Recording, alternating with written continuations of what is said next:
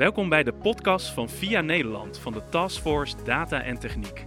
Mijn naam is Job van den Berg, lid van het kernteam van deze taskforce en ook werkzaam bij Bluefield Agency. In ons werkveld hebben we het veel over data-driven media en marketing. Veel merken hebben de inzet van data hoog op de agenda staan. Datastrategieën worden opgezet en uitgerold.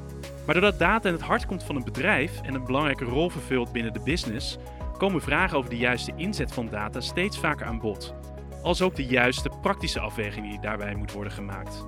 Daarnaast wordt ook de wetgeving op het gebied van data, zoals de AVG, de Digital Services Act, maar ook regels rondom cookies, steeds strikter. Waar legal en compliance nog wel eens als een aparte silo werden gezien, waar je enkel in uiterste gevallen mee te maken had, zijn deze teams eigenlijk steeds meer verbonden met de daily business. Maakt dat de rol van een DPO complexer en wellicht juist interessanter? Hoe maak je de juiste afweging tussen legal, compliance en de businesspraktijk?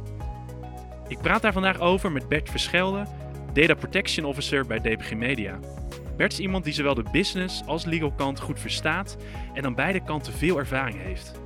Met hem hoop ik meer te horen hoe een DPO in deze tijden de juiste balans vindt en schakelt met verschillende stakeholders. Bert woont in België en is voor het gesprek helemaal naar Amsterdam gekomen. Met het Thalys en je moest heel hard uh, racen, Bert, want uh, dat was een staking, toch? Dat was een staking. Uh, het openbaar vervoer lag plat in, in Brussel. Dus het was wel even spannend. Ja, was spannend. Ja, maar heel fijn dat je er bent en uh, nogmaals heel hartelijk welkom. Ik heb je al heel kort voorgesteld, maar je kan dat zelf veel beter. Dus misschien kun je nog even jezelf nader, uh, nader voorstellen. Ja, ik ben uh, Bert Verschelde, inderdaad de DPO van de Belgische entiteiten van, van DPG Media. dus ik werk rond privacy bij DPG. Um, ik werk er sinds 2018, dus sinds de start van de AVG. En daarvoor hielp ik bedrijven zich voor te bereiden op, op de komst van de AVG bij Deloitte. dus als, als consultant. Heel veel verschillende bedrijven gezien in heel veel verschillende sectoren. maar de mediasector leek me toch de tofste om, om dieper te gaan graven in, in wat zij precies doen met, met data. Dus vandaar ben ik bij DPG terechtgekomen. Ik kan me heel goed voorstellen. En mooie, mooie ervaringen die nou, zeker zo meteen dieper op, op ingaan. Uh, daar gaan we zo alleen diep op in, maar ik begin eerst met een aantal stellingen. Uh, een paar prikkelende stellingen waar je ook wil vragen of je daar waar of niet waar uh, op, ga, op mag je op antwoorden. Ze zijn best wel bold. Ik waarschuw je alvast. En uiteraard kunnen we later daar kun je die nader nuanceren. Dus voor nu even alleen waar en niet waar. En dat zijn er vijf. En ik ga ze even langs en hoor graag jou, jouw antwoord. Stelling nummer één. De rol van een DPO is meer adviserend dan toezichthoudend. Niet waar. Stelling 2. Het is onmogelijk om, om bij een privacy compliance vraagstuk een advies te geven die zowel de legal als business afdelingen tevreden stelt. Niet waar. Een DPO moet bijna evenveel legal kennis hebben als stakeholder management skills. Waar? DPO's die ook de business goed snappen zijn schaars. Niet waar. Belgen zijn strikter op de naleving van de regels dan Nederlanders. Niet waar. Niet waar. Nou, eh, dank voor jouw antwoorden. Komen er zeker op terug. Uh, ik pak er even op terug als het even aan bod komt zometeen. Dan ben ik benieuwd naar jouw uh, toelichting erop. In ieder geval mooie mix tussen waar en niet waar. Dat is in ieder geval een eerste analyse. Uh, laten we heel nog even diep ingaan op jouw rol binnen DPG Media. Nou, DPG Media kennen we natuurlijk allemaal. Grootste publisher qua bereik in Nederland en ook in België. titels zoals Nu.nl, Volkskrant, Vickers en in België natuurlijk VTM en De Morgen onder andere. Groot digitaal bereik, waar daar natuurlijk een enorme rol speelt. Zowel nou ja, in advertising, maar ook natuurlijk in marketing aan de B2C-zijde. Bert, kun je jouw rol en functie binnen DPG Media nog wat nader omschrijven en jouw dagelijkse werkzaamheden? Ja, dus ik ben momenteel nog steeds de DPO voor de, de Belgische entiteiten van, van DPG Media. Maar sinds deze maand leid ik ook een nieuw team. Een, een team dat in de business zit. Het heet Privacy en Data Strategie, team van vier mensen. Um, eigenlijk hebben we dat team opgericht exact om de uitdaging het hoofd te bieden die je in je introductie aanhaalde. Hè, van privacy wordt steeds vaker deel van de, van de daily business. Uh, iedereen in de business heeft ermee te maken. Uh, en het is natuurlijk niet zo gemakkelijk voor business- en IT-mensen om de wetgeving zelf te gaan interpreteren. Um, dus wij zagen echt een, een, rol weggelegd voor een team dat heel nauw bij de business zit en als een soort trusted advisor kan optreden. En dat is eigenlijk het team dat we hebben opgericht. Um, dus we gaan voor België een nieuwe DPO aannemen. Uh, in Nederland is er al een DPO. Uh, en op die manier eigenlijk in twee verschillende lijnen werken. Dus met een eerste lijnsteam, mijn team, dat uh, de business uh, kan adviseren, dat ook kan helpen om beslissingen te nemen die in de, in de lijn liggen van onze datastrategie in het algemeen als, uh, als bedrijf. En dus het team rapporteert ook aan de Chief Data Officer, die natuurlijk de datastrategie bepaalt. Um, en in tweede lijn heb je nog steeds dan de DPO's, die een adviserende rol opnemen, hè, dus die juridisch advies geven, maar die ook een, een toezichthoudende functie hebben, die ze dan nog meer gaan kunnen, kunnen uitvoeren.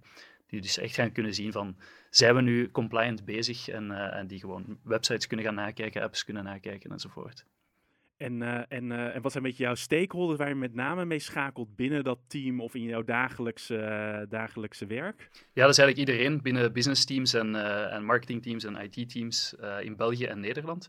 Dus iedereen die iets nieuw wil doen en innovatief wil doen met persoonsgegevens binnen DPG Media komt eerst bij ons terecht voor de soort eerste lijnshulp. Uh, om zo compliant mogelijk te werken. En uh, ja, dat zijn nogal wel wat mensen. Uh, we zijn natuurlijk een creatief bedrijf, dus elke dag gebeuren er wel nieuwe dingen met, met data, waar dat we natuurlijk graag op meekijken. Ja, dus in wezen zijn jullie eigenlijk een soort van spinnend web of, of, of, team die ingeschakeld kan worden. Maar ik kan ook voorstellen dat jullie zelf proactief natuurlijk ook topics agenderen en bezig zijn. Ja, inderdaad, dat klopt. Dat klopt. Um, dus sowieso het, het hele stuk rond het verdwijnen van third-party cookies ja, er komt heel wat bij kijken. Hè. Er worden heel veel alternatieven uh, bedacht in de markt voor, third-party cookies. Dus uh, dat is iets waar we heel erg mee bezig zijn. Uh, met bestuderen van wat kan, wat kan niet, wat is slim om te doen.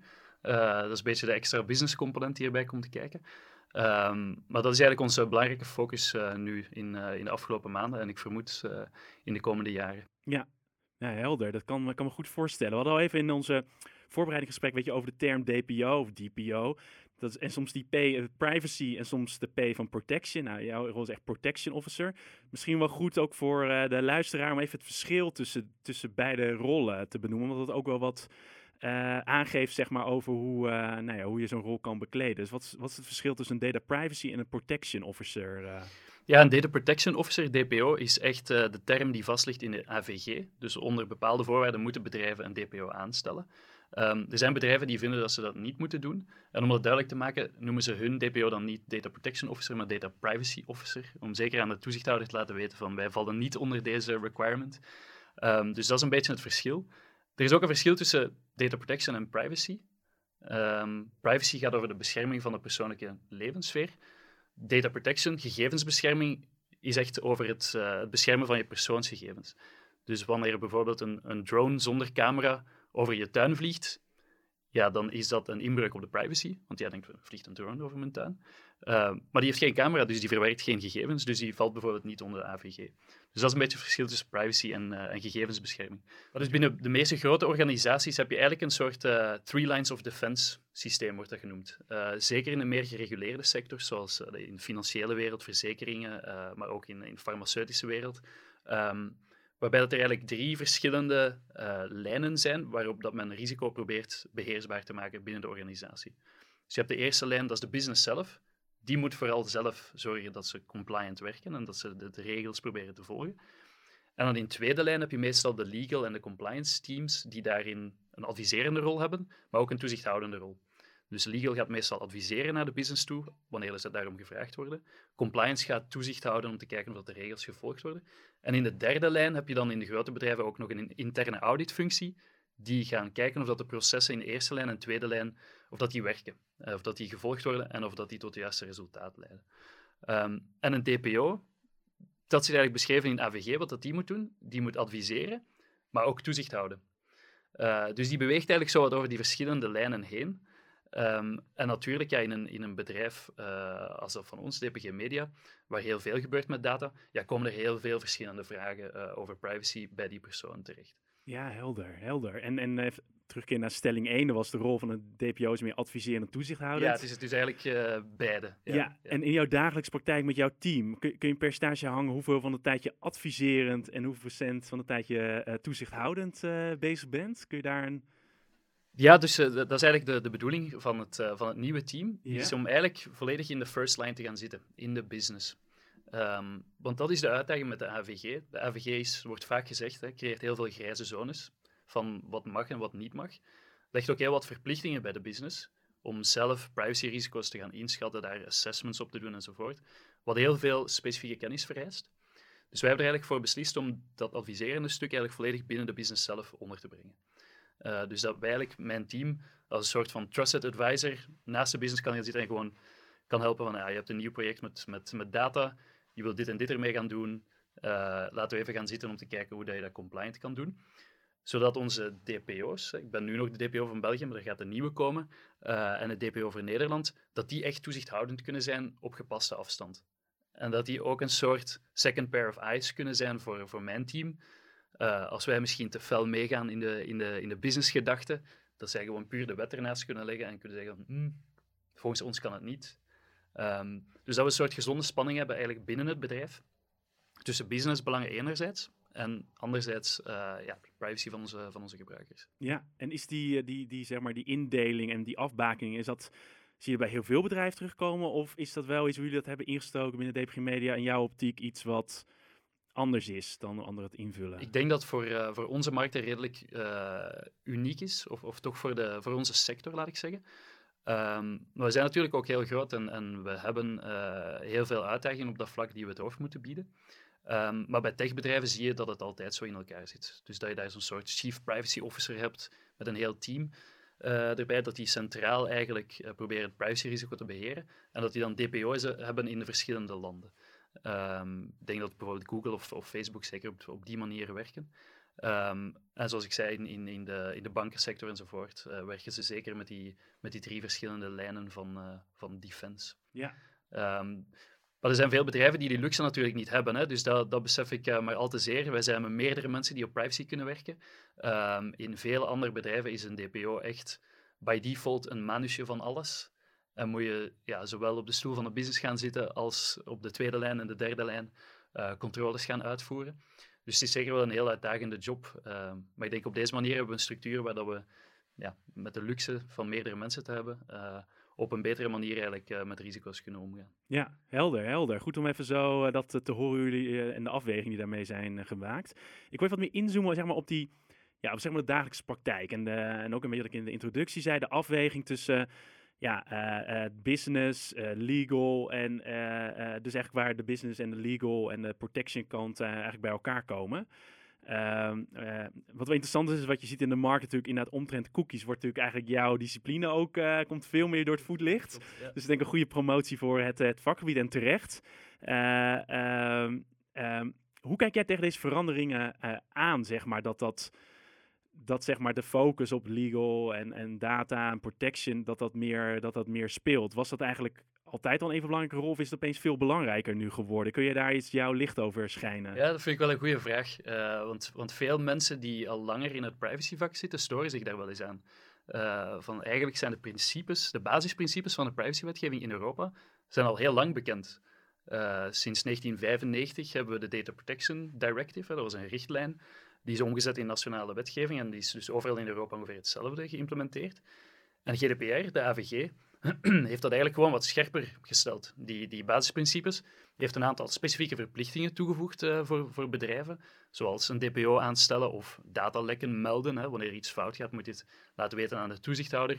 Of zelf impact assessments uitvoeren als je bijvoorbeeld iets met vingerafdrukken of zo wil, uh, wil gaan doen, dat je zelf die, die oefeningen maakt. Maar de basisprincipes zijn eigenlijk al heel lang bekend. Alleen is de, de AVG op board-level op de agenda gekomen, omwille van de grote boetes natuurlijk, die dat erbij bekendgemaakt werden. Um, en op die manier is eigenlijk privacy in de markt in een stroomversnelling gekomen.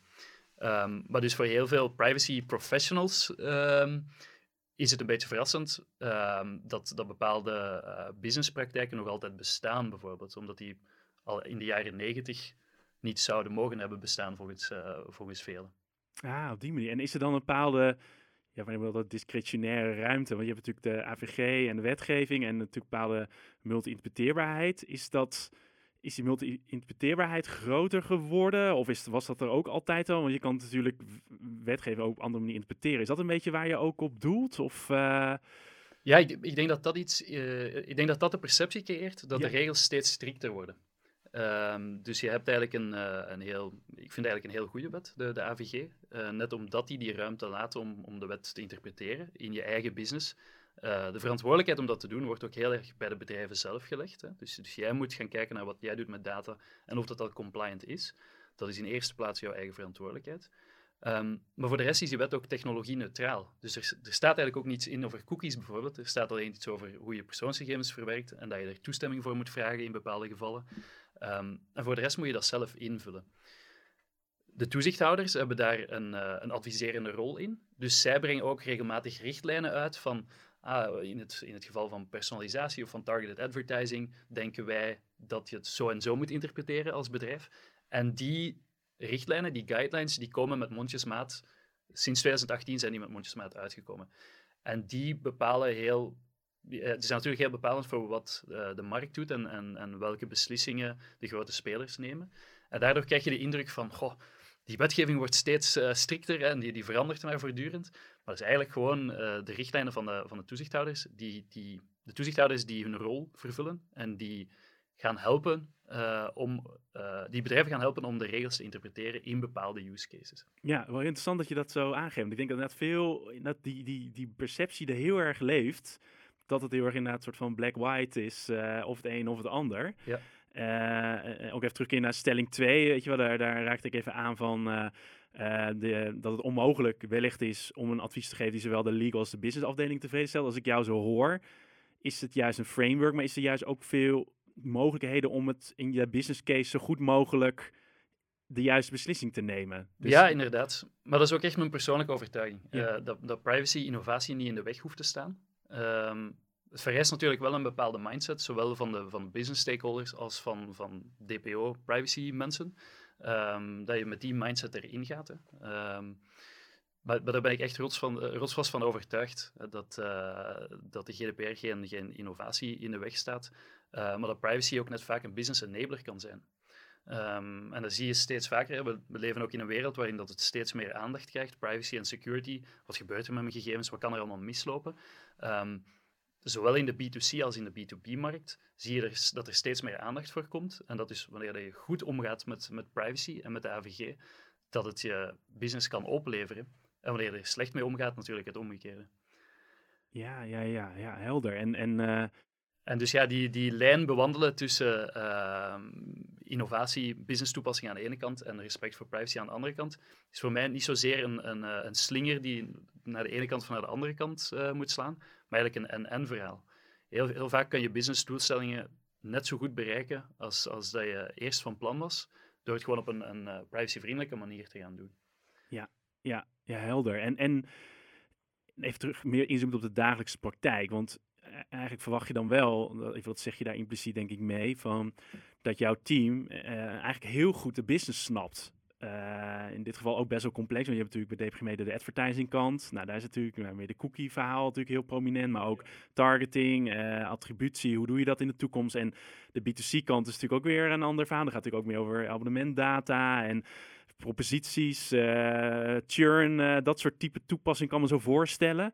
Ehm, dat vraagt best wel veel van jouw team, want ik neem aan dat je ook hun heel erg triggert of dat je als requirement hebt dat ze ook die business goed snappen. Maar hoe, hoe, hoe zorg je ervoor dat een legal, uh, mensen met een legal achtergrond, die mogelijk in jouw team zitten, hoe, hoe zij die business goed gaan snappen? Of is dat van tevoren al uh, getackeld, zeg maar? Nee, helemaal niet. Uh, het heeft vooral met de juiste insteek te maken hè? en met een, een, een, willingness of ja, een interesse in, in wat de business doet. Um, en empathie is heel belangrijk uh, voor mensen die, die in het team werken. Je moet echt een inlevingsvermogen hebben. En degene waar dat je advies aan geeft in de business, die ook echt beschouwen als een collega. Ga ermee lunchen, ga er eens naast zitten voor een dag. Uh, ga eens bij dat team zitten en, en, en ontdekken waar dat zij mee bezig zijn. En, en vooral besef wat de KPI's zijn van de mensen waar dat je advies aan geeft.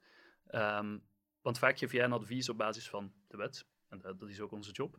Um, maar staat daar bijvoorbeeld 5 miljoen euro tegenover in het budget ingeschreven. Dus als jij dan gewoon zegt van ja, dit kan niet, ja, dan moet je ook weten dat die persoon aan de andere kant, die moet er wel iets mee. Hè? Die, die moet dan gaan beslissen of die moet gaan communiceren van ja, dit, dit budget gaan we niet halen. Of ja, we gaan dit op een andere manier moeten doen. En, en dat is het belangrijkste, dat je, dat je weet dat jouw advies maar de eerste stap is in die, in die keten. Um, en dus dat je dat inlevingsvermogen hebt van, oei, ja, dit advies is eigenlijk heel vervelend voor mijn stakeholder, ja, wat moet hij daar nu mee? En dat je dan ook eigenlijk gaat meedenken van, oké, als het niet nee is, eh, als, het, als het nee is, hoe kan het dan wel?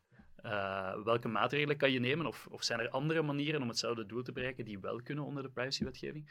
Dus dat vereist wat creatief denken. Ehm, dat vereist ook dat je inderdaad leert, de business leert kennen en ook IT-technisch een beetje weet hoe dat de dingen in elkaar steken en, en, en wat dat mogelijk is. Maar een juridische achtergrond hoeft daar zeker geen, uh, geen handicap uh, in te zijn. Uh, maar gebrek aan interesse natuurlijk wel. Ja. En hoe enable je dan? Je noemde al eventjes met kennissessie of eens naast een collega gaan zitten, et cetera. Heb, jij, heb, heb jouw team bepaalde meetings of, of bepaalde recurring uh, sessies met de business om, om dat begrip te stimuleren van wat er speelt? Hoe, hoe pak je dat in de dagelijkse praktijk aan? Ja, dat doen we vooral binnen het team zelf. Um, maar ook uh, stimuleer ik mensen om, om contact op te nemen met bepaalde stakeholders. Uh, van Gijs met die praten, die heeft, die heeft zeker zin om jou gewoon eens een uur uit te leggen hoe dat de adtech-markt werkt, of hoe dat third-party cookies precies werken, of, of wat RTB is. Hè. er zijn ook voldoende mensen binnen het bedrijf die gewoon staan te springen om hun kennis te delen. Um, en dat helpt ook heel erg om, uh, om uh, goodwill te creëren bij, bij business stakeholders. Als zij zien dat je geïnteresseerd bent, dat helpt je ook al uh, een heel pak verder. Um, tuurlijk kost dat tijd, hè? dus dat je, dat je, je, moet tijd investeren in kennis vergaren, maar ook tijd investeren in het opbouwen van die, van die relaties met stakeholders. Um, maar het is, het is een goede investering. Het is een investering meer dan waard natuurlijk. Ja, nee, helder.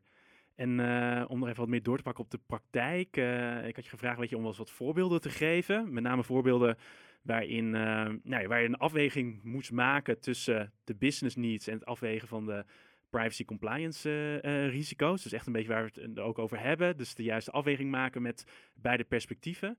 Ben heel benieuwd naar die voorbeelden, hoe, hoe die afweging toen zijn gemaakt. En nou, je, hebt, je hebt twee voorbeelden. Misschien kun je de eerste voorbeeld benoemen waarin dit uh, mooi uh, nou, naar voren komt? Ja, wel, de, een van de vereisten van de, van de AVG is dat je privacy by design gaat werken. Dus dat wanneer je een nieuw project opstart binnen je bedrijf, dat je meteen over privacy gaat nadenken en dat je misschien de DPO, als je die hebt, dat je die mee aan de tafel zet om erover na te denken. Um, en dat is eigenlijk, men zegt vaak privacy is de new green. Het is eigenlijk een beetje zoals we vandaag met energiegebruik moeten omgaan. Hè. We hebben een externaliteit van heel veel industriële toepassingen is dat, dat klimaatsverandering in de hand werkt. Dat zit ook niet in vraag en aanbod in de markt uh, verwerkt. Dus dat is een externaliteit, zoals economen dat noemen. Uh, dus verplichten we bedrijven om beter na te denken over hoe dat ze met energie omgaan. Privacy by design is eigenlijk bedrijven verplichten om beter na te denken over hoe ze met data omgaan. Omwille van de negatieve effecten die het zou kunnen hebben op, de privacy van, uh, van gebruikers. Um, dus een, een, een, voorbeeld, denk ik, in de Belgische markt is uh, een, supermarkt die overwoog om uh, met vingerafdruk te betalen. Klinkt heel tof, hè? je komt aan de kassa, je legt gewoon even je vinger neer in plaats van je betaalpas en uh, het gaat automatisch van je, van je rekening af en je kan verder door naar, naar huis. Um, maar dat heeft natuurlijk ja, een enorme impact op, op je privacy als daar iets misloopt met die database. Dus het, het, plan was echt dat je één keer in de winkel zou binnenkomen om je vingerafdrukken in een database te steken. Um, en natuurlijk moet je daar vragen bij stellen, zeker in de, in de, in de wereld waarin dat we vandaag leven. Als het in de Russische handen bijvoorbeeld terechtkomt, uh, je, je vingerafdruk. Dat zijn biometrische gegevens, die blijven voor de rest van je leven hetzelfde. Dus eens dat je ze kwijt bent, is de impact voor altijd daar. En dus dat is eigenlijk de mindset die, die, die we als bedrijf moeten hebben, is, is daarover nadenken van oei, is de privacy impact hier in, in, staat die in proportie? Staat die in verhouding tot het businessdoel dat we bereiken? In dit geval je wil eigenlijk die twee seconden uh, dat het duurt om je betaalpasje uit je zak te halen, die wil je wegwerken bij de klant. Ja, moet je daarom zo'n grote privacyrisico's uh, gaan nemen. Uh, en in dit geval heeft de toezichthouder ook meteen ingegrepen en meteen gezegd van jullie gaan een onderzoek aan je broek hebben en mogelijk een miljoenenboete. Dus ik zou er eigenlijk mee stoppen als ik van jullie was. Um, maar ik vond het een goed voorbeeld omdat het aantoont van it's not because you can that you should. Uh, dus dat dingen die technisch mogelijk zijn vandaag, ja, dat we er toch op een andere manier over moeten, moeten gaan nadenken. Dat is wel een mooi voorbeeld inderdaad. Want inderdaad, dat, dat, dat uh, what you can, you shoot, dat, dat zie je vaak inderdaad. soort van, uh, we moeten er ook iets mee en achter de bandwagon aan rennen van, we moeten ook daar meedoen. En, en vanuit dat optiek is het denk ik een heel interessant voorbeeld inderdaad. Maar ook de kosten-batenafweging eigenlijk. Hè? Want ja, ja, waar de kosten denk ik wel heel hoog zijn inderdaad voor die twee seconden.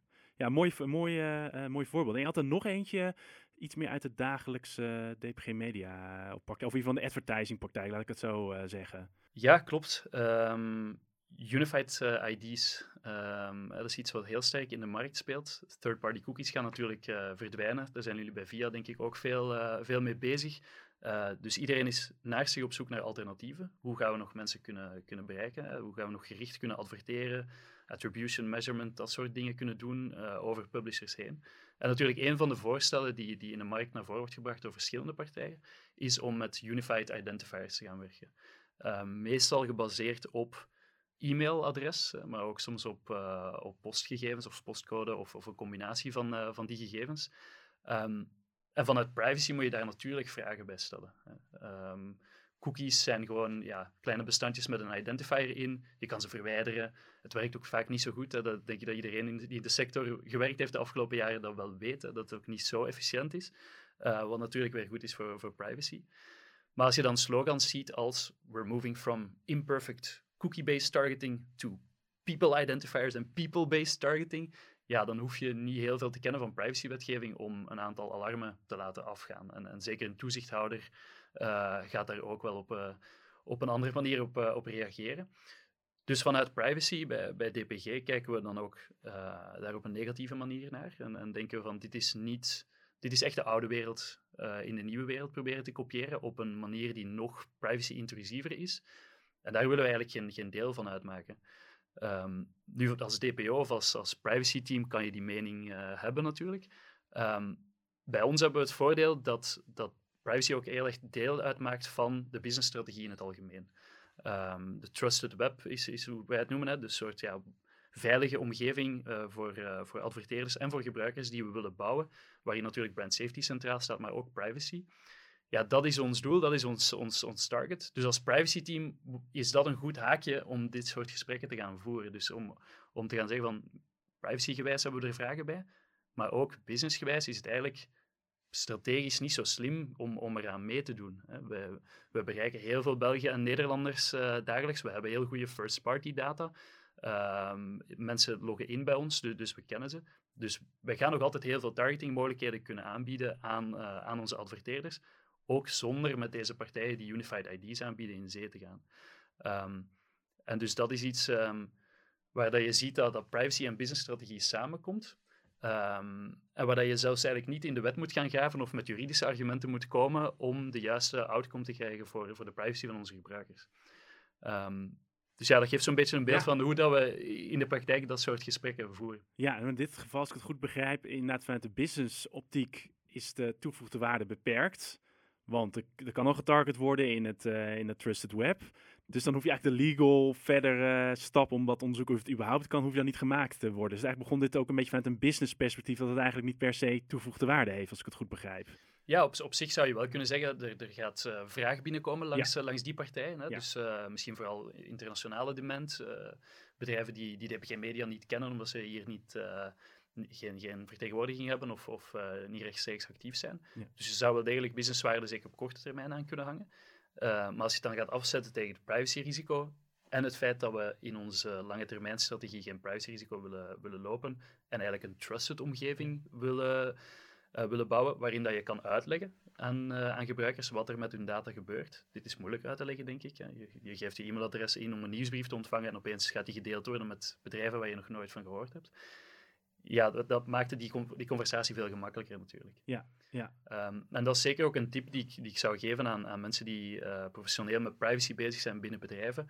Um, probeer ook andere haakjes te vinden om je argumentatie aan op te hangen. Uh, als je mensen kan meekrijgen met een business argumentatie, dan hoef je het zelfs niet te hebben over, uh, over de wet. en dan kan je toch gedaan krijgen wat je wil gedaan krijgen voor de, voor de privacy van, van je gebruikers. Ja, ja een mooie, mooie les al meteen. Dat is ook gelijk een mooie aanloopje een beetje naar de, naar de, naar de, naar de afsluiting van, eh, van dit leuke en mooie en goede gesprek. Uh, een beetje daarop voortbordurend door wat je al zei, want dit is denk ik al een hele waardevolle uh, tip. Ehm, eigenlijk zei het al een beetje hoor, maar mijn laatste vraag was meer van hoe zorg je ervoor dat een DPO optimaal presteert binnen een bedrijf? Of wat zijn de randvoorwaarden? Ja.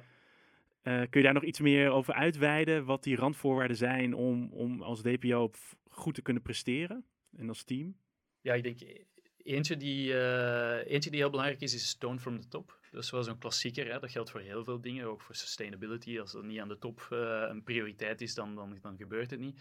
Uh, dus dat geldt voor privacy ook. En, en, dat is het voordeel dat we hebben met het, met het Trusted Web verhaal, dat je daar dingen aan kan, aan, aan kan ophangen. Um, en daarnaast denk ik, ja, het empathisch vermogen van, van de mensen die, die rond, rond privacy werken. Um, en ook dat die, dat die mensen vooral bezig zijn met wat komt er nu eigenlijk in productie. Wat komt er nu eigenlijk live? Wat gebeurt er nadat ik mijn advies heb gegeven? Ik heb een mailtje gestuurd en gezegd het mag niet. Wat gebeurt er dan daarna? Dat je heel goed beseft dat dat het begin is van het proces. En dat je er goed, uh, of, of dat je er goed aan doet om met de business en IT mee aan de slag te gaan. Om te gaan zien wat er dan wel kan. En wat er wel uiteindelijk in, uh, in productie of, of live komt. Of hoe dat product of de dienst er gaat uitzien voor de eindgebruiker. Uh, dus daar moet je echt iets om geven. Uh, en, en, ik denk dat dat heel belangrijk is om er, uh, om er een succes van te maken. Helder, hele mooie, hele mooie les. En nog een allerlaatste even stelling 5, om er even als afronden. Daar had ik als stelling, de Belgen zijn strikker op de naleving van de regels dan Nederlanders. Is hij volgens mij niet waar. Het is wel interessant, want jij natuurlijk echt beide landen nu goed, goed kent. Ja, natuurlijk ook het crossnationale.